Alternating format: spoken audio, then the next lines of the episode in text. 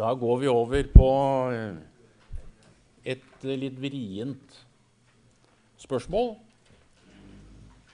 Hvor vi kan dra med oss uh, også den tankegangen som vi fikk litt hjelp til forrige gang også. At her er det også sikkert forskjell på om vi selv står oppe i en situasjon og har erfart det, eller om vi skal sitte som en, for en regulatorisk myndighet og bestemme om dette skal tillates eller ikke. Men jeg har tatt det med fordi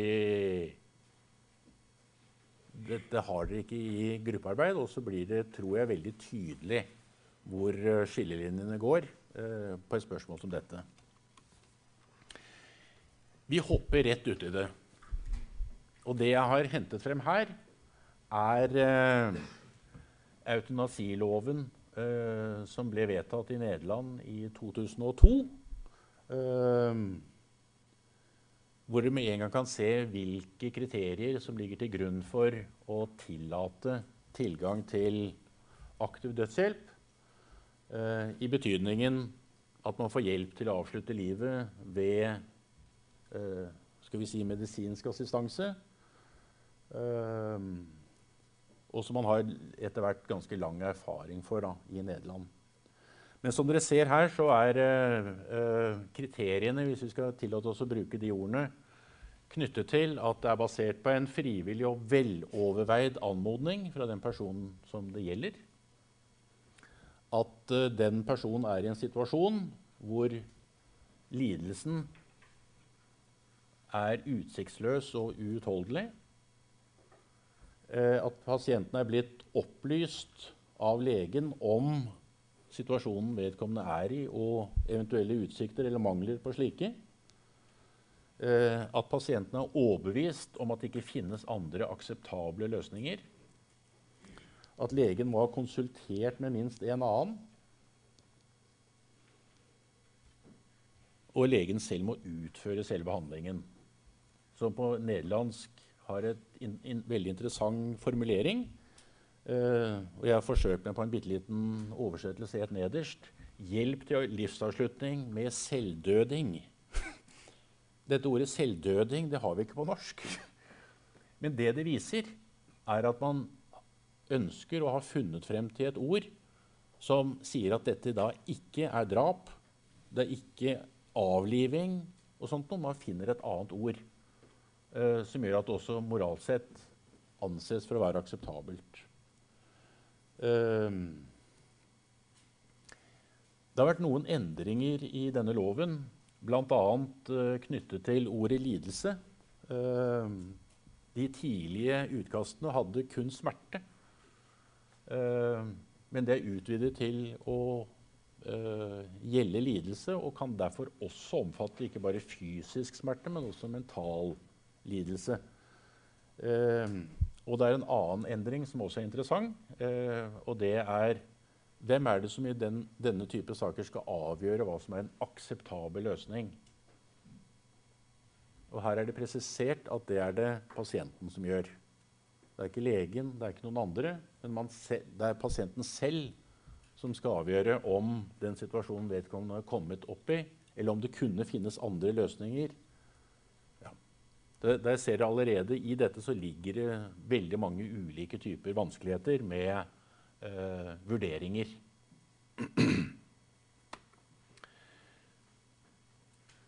En av de store vanskelighetene med endringer på dette området er at det finnes en, eh, en barsk forhistorie knyttet til eutanasi.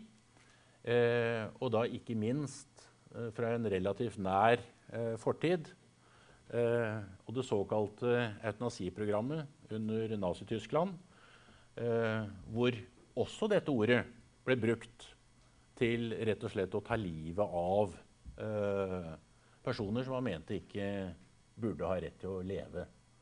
Og da spesielt uh, psykisk utviklingshemmede osv. osv. Og så ble det også tydelig kalt for livsuverdig liv.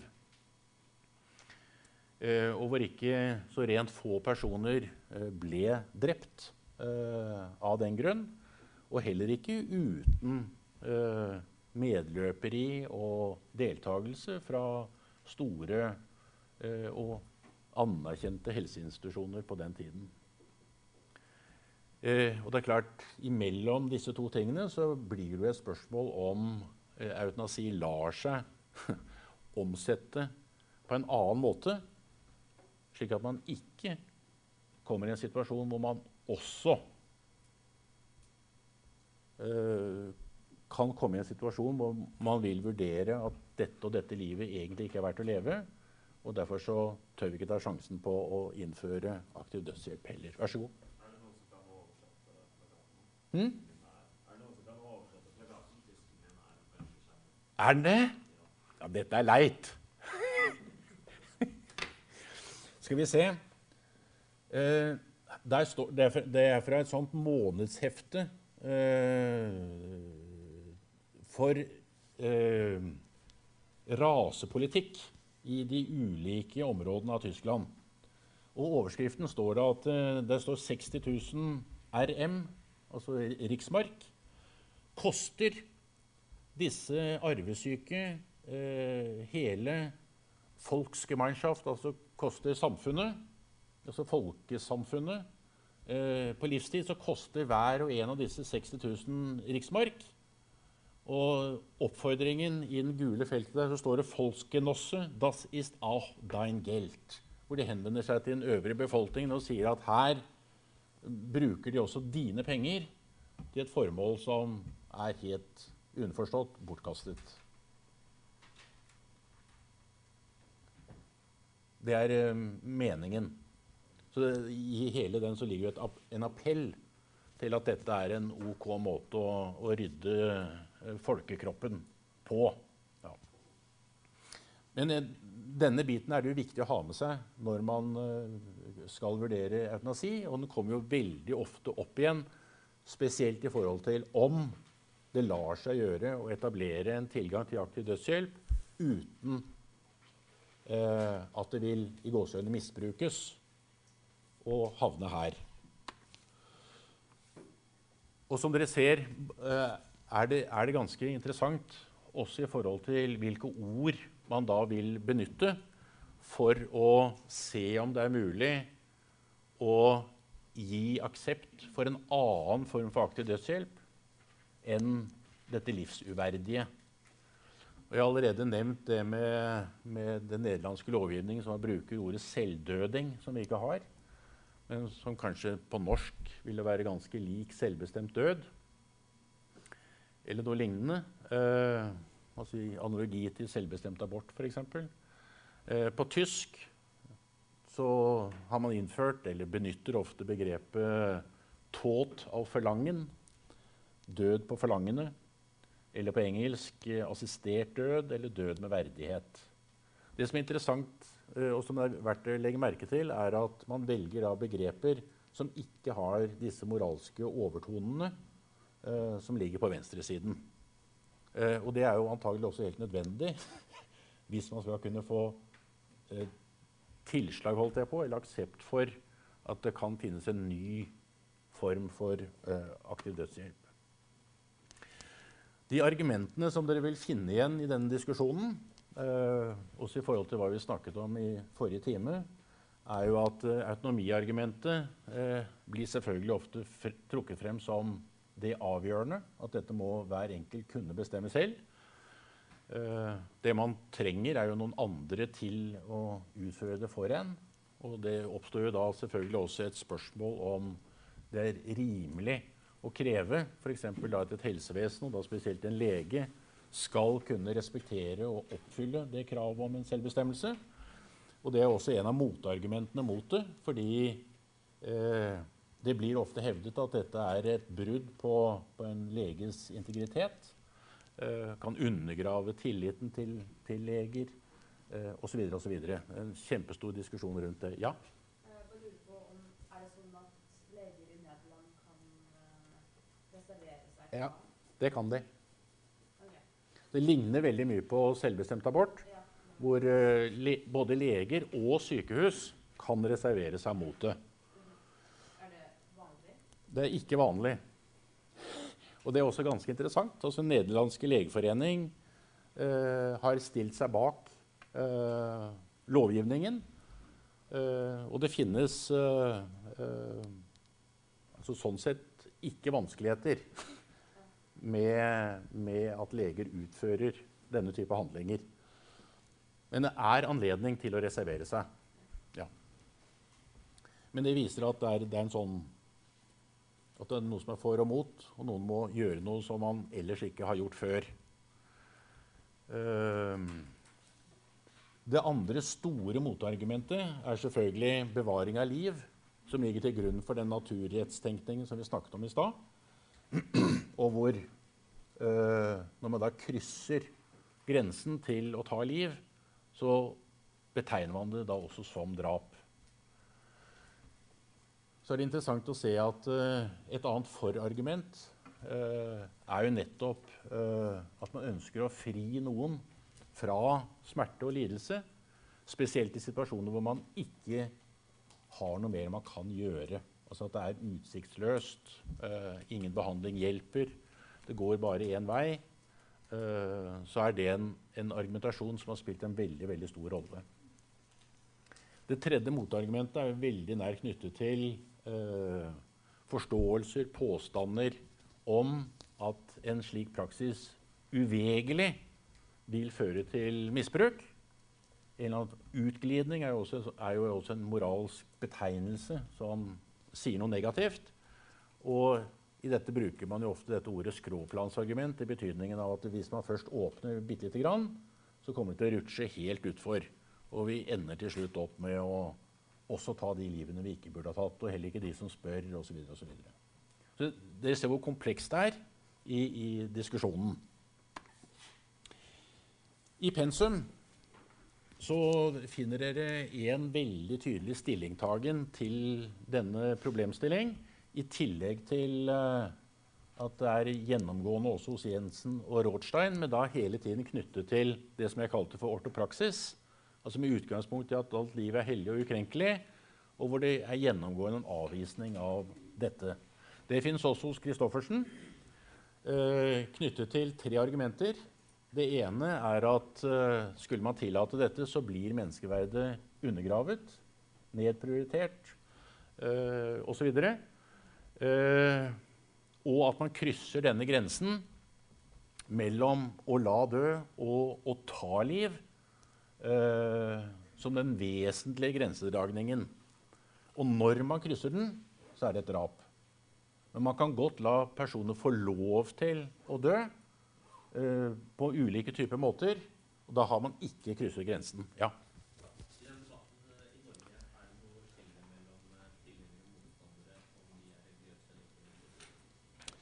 Det ser ikke sånn ut.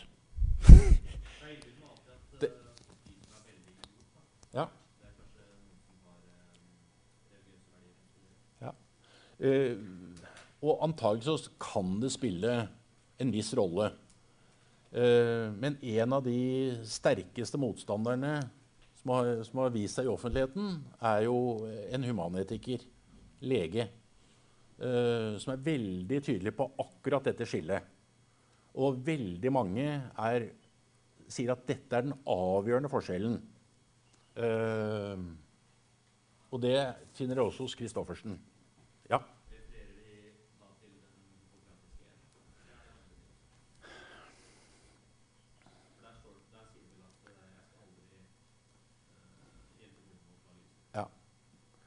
Men uh, nå kunne man hevde det at altså Man viser jo til den, selvfølgelig.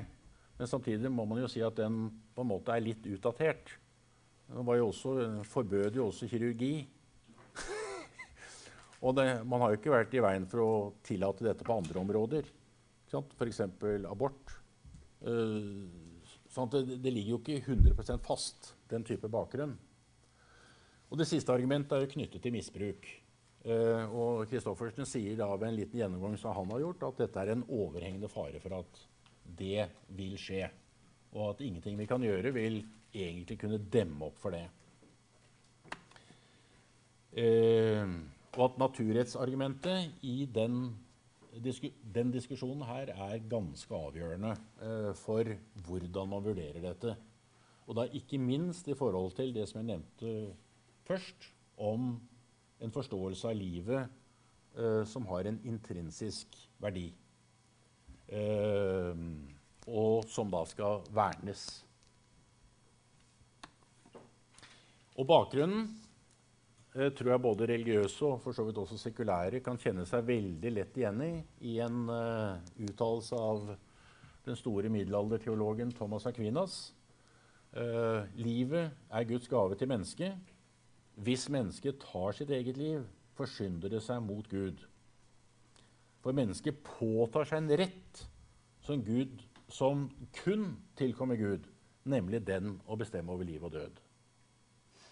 Altså Du krysser rett og slett grensen ved dette. Og jeg tror den er så godt som likelydende i alle de religionene vi titter på i løpet av dette semesteret. Jeg har bare tatt noen helt små eh, utdrag fra noen lærebøker. Eh, mer eller mindre samme type formuleringer.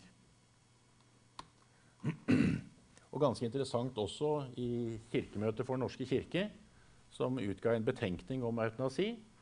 Det er lett å se sporene etter, eh, etter Thomas Aquinas.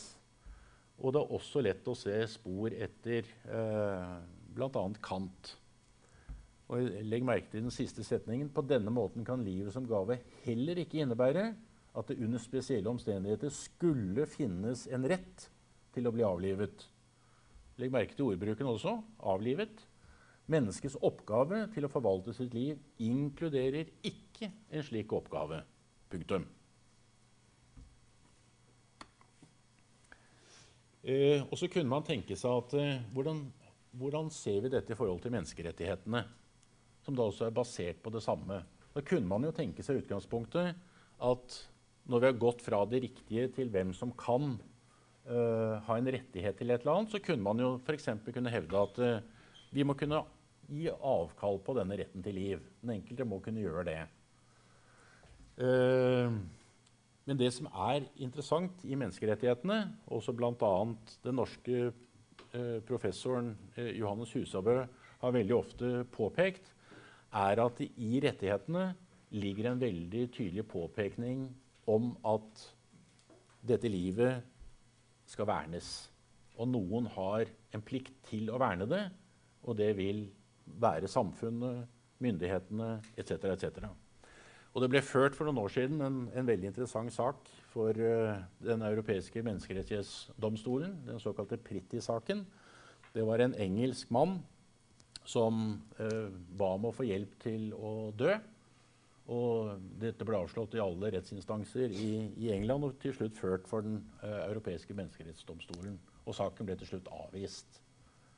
Nettopp med grunnlag i at også menneskerettighetene inneholder denne sterke klausulen om å verne, som den ikke ville, ikke ville oppheve. Så det gjør også at det er vanskelig å etablere et grunnlag for aktiv dødshjelp på grunnlag av menneskerettighetene. Og så har det vært mye diskusjoner om kun, er likevel riktig f.eks. at Nederland da, Belgia Oregon, Australia osv. kan gjøre det, selv om noen da vil hevde at det er i strid med menneskerettighetene. Som da baserer seg på dette naturrettsargumentet som jeg så vidt var innom forrige time. Mens den, den, store tradisjonen egentlig i alle de religiøse samfunnene som vi eh, titter innom på dette feltet her, er at det finnes en eller annen forståelse av en eller annen sånn øh, nå datt den ut. Ars moriendi. Altså det finnes en eller annen måte å lære å forberede seg på å dø. Altså kunsten å dø. Eh, som ofte har bestått av disse delene her i, i, i, forskjellige typer avskygninger. Det beste er jo at man før man dør, har levd et godt liv. Det er ikke alltid man har gjort. Ikke alltid greier å oppfylle. Man skal motstå fristelser på slutten. Altså bli depressiv øh, og sånt noe. Må få hjelp til det. Skal bekjenne sin tro, imitere Kristi lidelse og forsone seg med sine omgivelser. Så kan man dø rolig. Som også ligger veldig tydelig innenfor denne 'å la dø'. Og i, i, I hvert fall i europeisk sammenheng så har det vært en veldig sterk fordømmelse av uh, selvmord. Uh, som etter all sannsynlighet, eller ikke etter all sannsynlighet, helt sikkert også ligger under uh, forbudet mot eutanasi.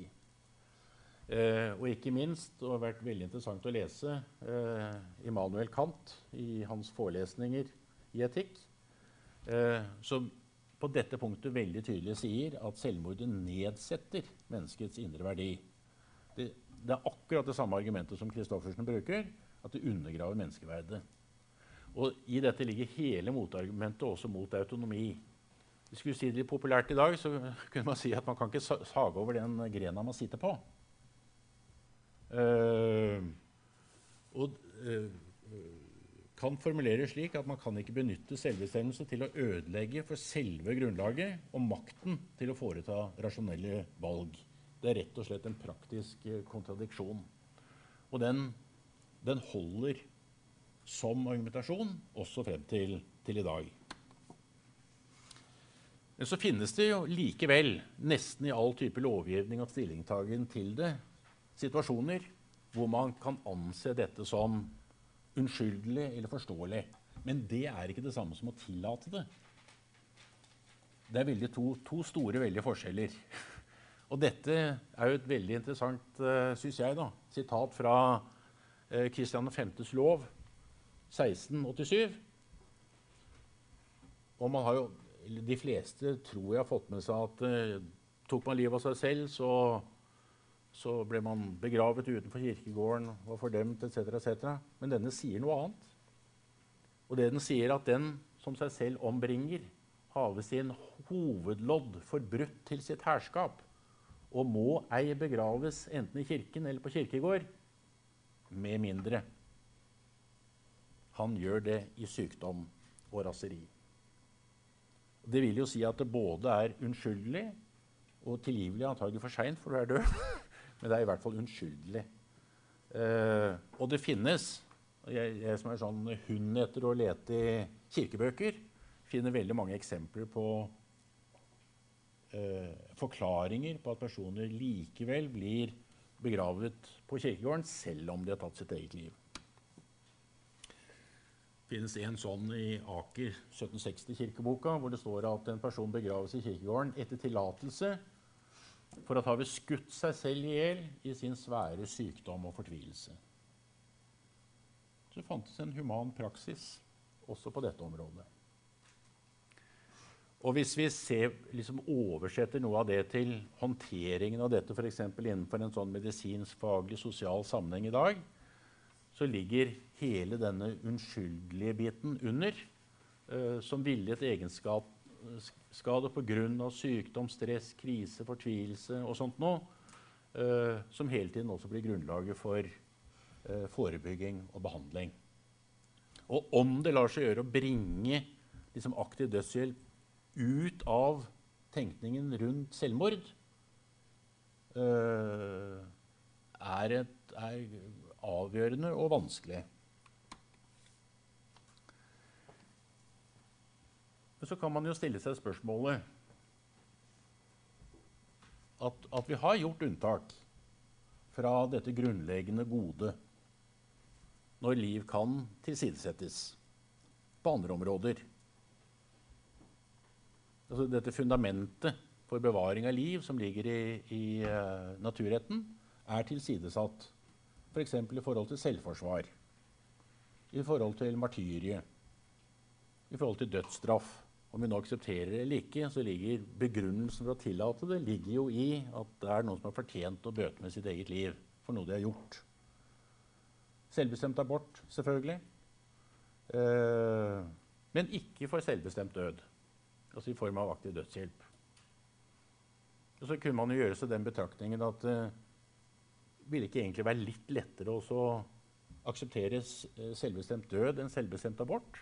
Nettopp fordi at uh, avgjørelse om aktiv dødshjelp jo ikke omfatter en tredjepart, som er en kompliserende faktor uh, moralsk sett, men selvfølgelig helt avhengig av hva man tenker om den moralske status til et foster. Uh, og som man på en måte i norsk Ikke på en måte, men som man i norsk lovgivning uh, stiller seg eh, Altså ikke tar stilling til. Eh, ellers hadde det ikke vært mulig å tillate selvbestemt abort. Så la oss titte litt på den grensen som er helt av... Ja? Eh, Vil du si at det er mer eh, skal vi si, at eh, eh, det er sannsynlig at eh, aktiv dødshjelp vil bli eh, tillatt i Norge? På en måte ser en en eh, eh, mer sånn vilje til liberalisering der blant politikere enn tidligere? Det ser, altså det, er, det ser ikke ut til å være et veldig aktuelt spørsmål. Men jeg tror jo at det vil komme i løpet av relativt kort tid. Og det er noen politiske partier som har eh, programfestet det. Sånn som Frp og vel også Venstre. Ehm, jeg tror jo det vil komme. Men det er jo ikke noe vits i for meg å være profet på dette området her. Men dette, dette eh, altså For naturretten så er det veldig veldig avgjørende å holde denne grensen.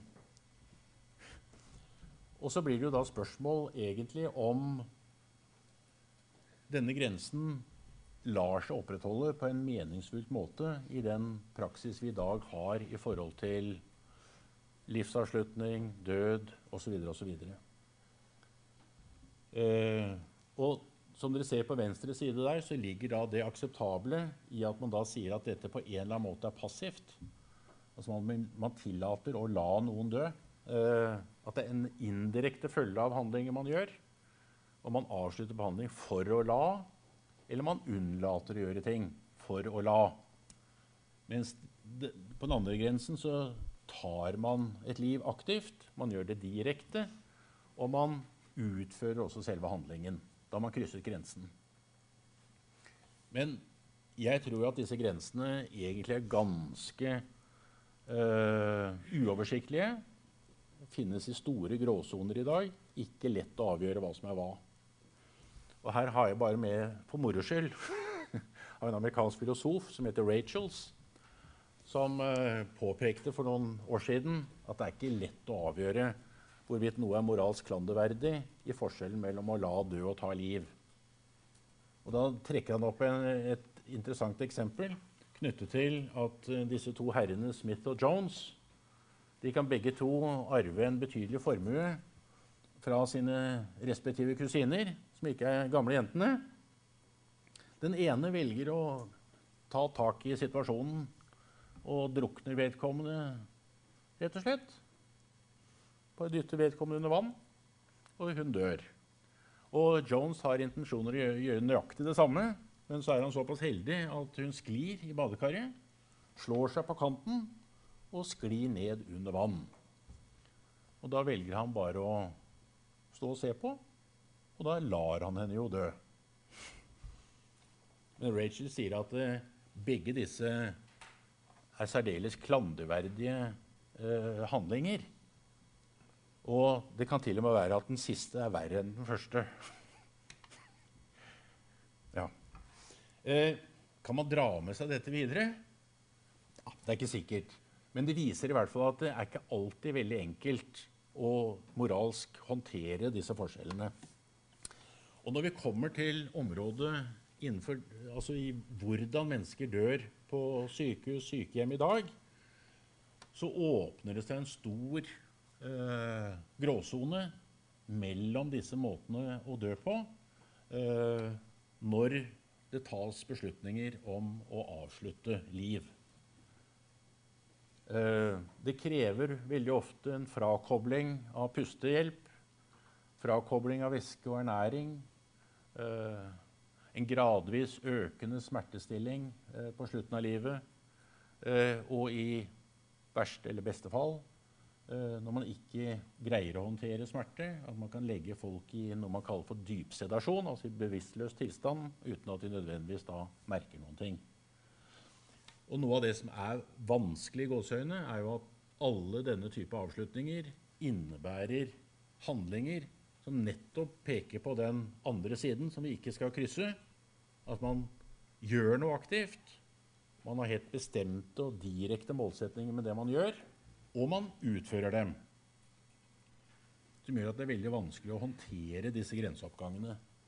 De, de, I dag så håndteres den ved å bestemme riktig intensjon.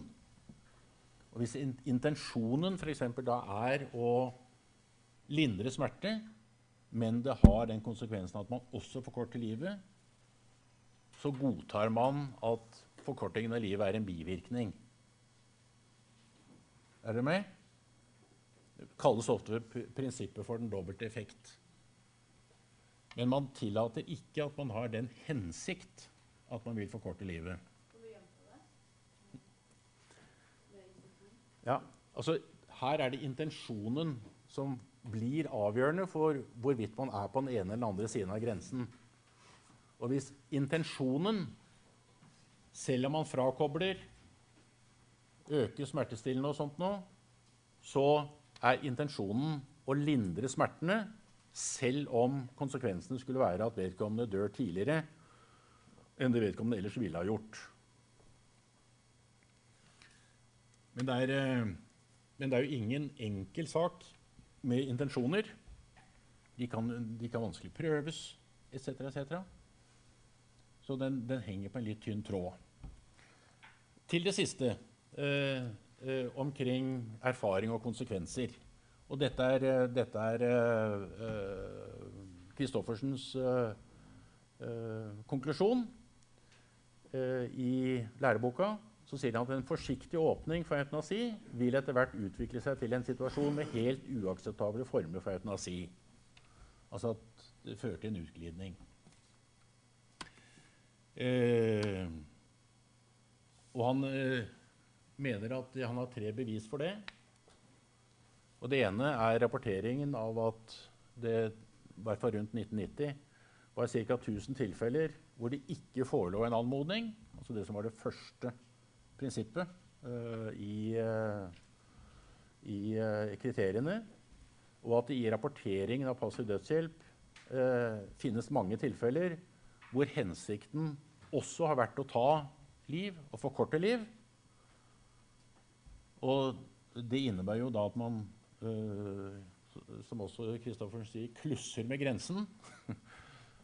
Det som da er klassifisert som passiv dødshjelp, burde vært klassifisert som aktiv dødshjelp. Dvs. Si at det er mange flere tilfeller enn det som faktisk rapporteres. Og Det siste argumentet er jo knyttet til at det vil medføre press til å be om dette. Altså man etablerer en kultur som gjør at bare ikke enkeltpersoner eh, føler at nå er jeg til en byrde, så nå er det på tide at jeg sier ifra og, og sier at uh, nå er jeg bare en byrde, så please hjelp meg ut av dette her.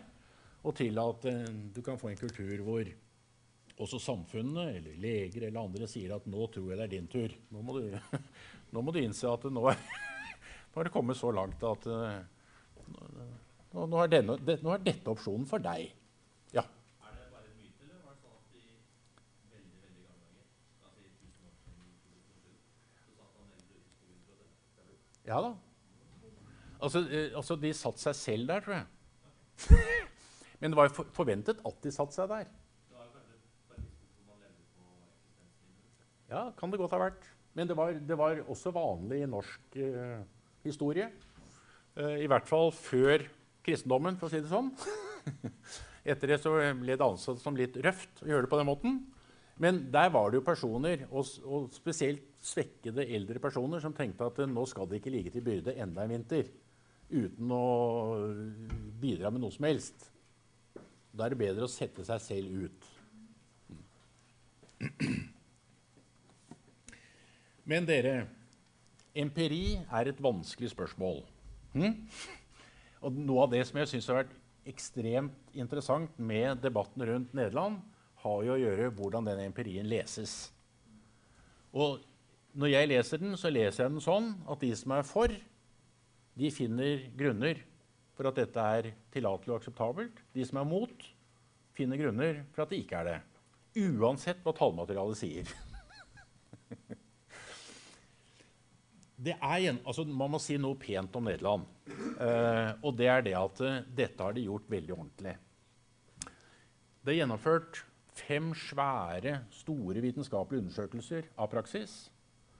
De har etablert uh, det de kaller for Totsing Committees. Men det er egentlig sånne vurderingskomiteer med et åpent meldesystem, åpne vurderingsmuligheter. alle saker blir offentliggjort, alle blir diskutert. Det er ingenting som er skjult for noen. Alle kan se praksis sånn som den er. Og utviklingen er jo veldig interessant å se på eh, i disse undersøkelsene. Øverst så ser dere hvor mange saker som er blitt innvilget av eh, aktiv dødshjelp. Og der er det en økning fra omtrent det samme antall dødsfall eh, i Nederland per år. Eh, det er verdt å legge merke til at det er langt fra alle som blir innvilget. Eh, jeg, hvis jeg husker riktig, så i 2010 så var det vel ca. 9000 anmodninger. Eh, ca. 4000 innvilges. Altså under halvparten eh, slipper igjennom, for å si det sånn.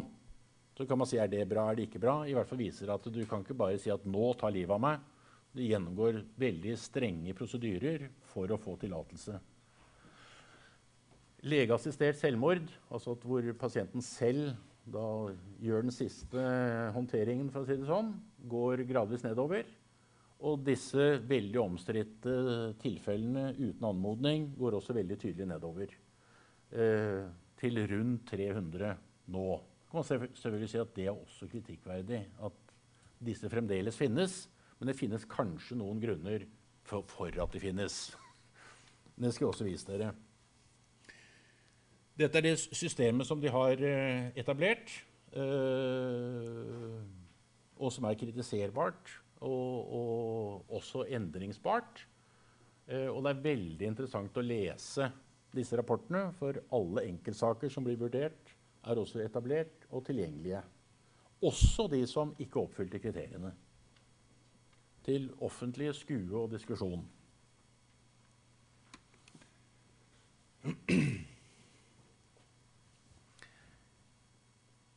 De omstridte 1000 eller 300 I hvert fall i sak så kan man ikke si at de ligner på disse eutanasitilfellene som vi kjenner fra, fra Tyskland.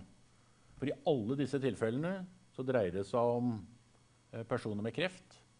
Alle i terminal stadium. All beslutning om behandling er avsluttet. Finnes ikke noen muligheter. De greier ikke å stille smerter. Det er antatt svært kort levetid igjen. Og det finnes skal ikke tillegge det mye vekt, men det er, finnes ikke noen veloverveid beslutning et eller annet sted her. Men personer har gitt antydninger om at jeg kunne godt tenke meg at uh, sånn gjør vi det. Familie kan komme med sånn type antydninger. Men jeg tror det avgjørende for at man har tillatt det, eller at en praksis finnes rundt det, er at de er i den livssituasjonen som disse eksemplene viser. Og så kan man ha meninger om hvorvidt det bør øh, være utført i sånn type situasjoner eller ikke. Men det ser ut som man aksepterer at det finnes et sånt lite antall. Eh, til dette helt uakseptable former så tror jeg at den nederlandske situasjonen veldig tydelig viser at det ikke har inntruffet. Det er ikke sånn at psykisk utviklingshemmede, psykiatriske pasienter, eh, multihandikappede barn og sånt noe blir tatt livet av som følge av denne lovgivningen. Det finnes ingen eksempler rapportert i, eh, i, eh, i de tilfellene som jeg har lest meg gjennom. Og selv om det da f.eks. i en, en del sånn norsk diskusjon rundt dette hevdes f.eks. at i Nederland så tar man livet av deprimerte barn. Eh, ja, det er mye mer retorikk enn det det eh, har å gjøre med faktiske forhold. Så kunne man jo spørre seg om Ja, Hvorfor er det så at aktivitetshjelp gjelder både for kroppen fysiske og psykiske smerter, men Ja. hvorfor er det større aksept hvis noen som er fysisk syke, eh, lever det, enn hvis noen som er f.eks. deprimerte, lever det? Ja. Det er ingen som ser noe positivt i at en deprimert person har slikt liv, Nei. men det er mange som ser noe positivt i at en person velger å dø. Ja. Ehm. og du reiser et veldig viktig spørsmål. Eh, det ene er jo knyttet til hvorvidt da f.eks. personer med mentale lidelser skal kunne få tilgang. Og Nederland har åpnet for det. Det fins ikke veldig mange tilfeller, men ett av dem gikk til og med til Høyesterett. Og vedkommende fikk anledning til eh, Det var en dame, forresten. Fikk anledning til å få hjelp til å dø. Eh, jeg tror at en del av øh, Altså at man er tilbakeholdne med mentale fordi man tenker at da er ikke beslutningen veloverveid. Så den farges på en måte av depresjoner, øh, som gjør man mer tilbøyelig til å be om å få hjelp. Og det finnes en god del undersøkelser i Nederland som viser også at det er tilfellet. Uh,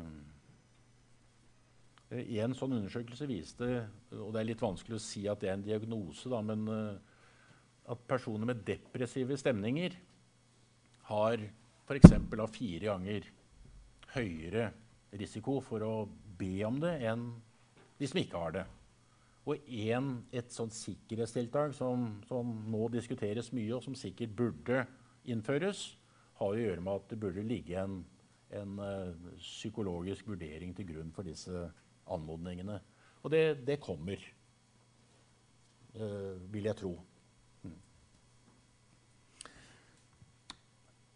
Ja, jeg, altså tida går så fort. Jeg, altså det, her ligger også jeg tror dessverre 20 slides til, men jeg kan jo ikke holde på med dette her. Eh, så jeg håpet å kunne vise at eh, dette er også en sånn problemstilling som er veldig hektet på eh, den naturrettslige tilnærmingen. Eh, ja. Jeg vet ikke om jeg greide det, men det var et forsøk. Noen spørsmål, folkens? nå er det fredag ettermiddag, og så er det heldigvis snart eksamen. Så at dere kan få vise dere frem. Nå, det, nå, skal jeg, nå, skal jeg, gjøre dere litt beroliget. For det var én som, eh, som uh, hvisket til meg i pausen at hun var engstelig for at, uh, at hvis dere ikke sto til den første eksamen, så fikk dere ikke vite noe før til slutt. Og så ble det strøket uansett. Det er jo litt dårlig gjort. Sånn at hvis, hvis besvarelsen er så dårlig at den ikke står til noe, så sier vi ifra.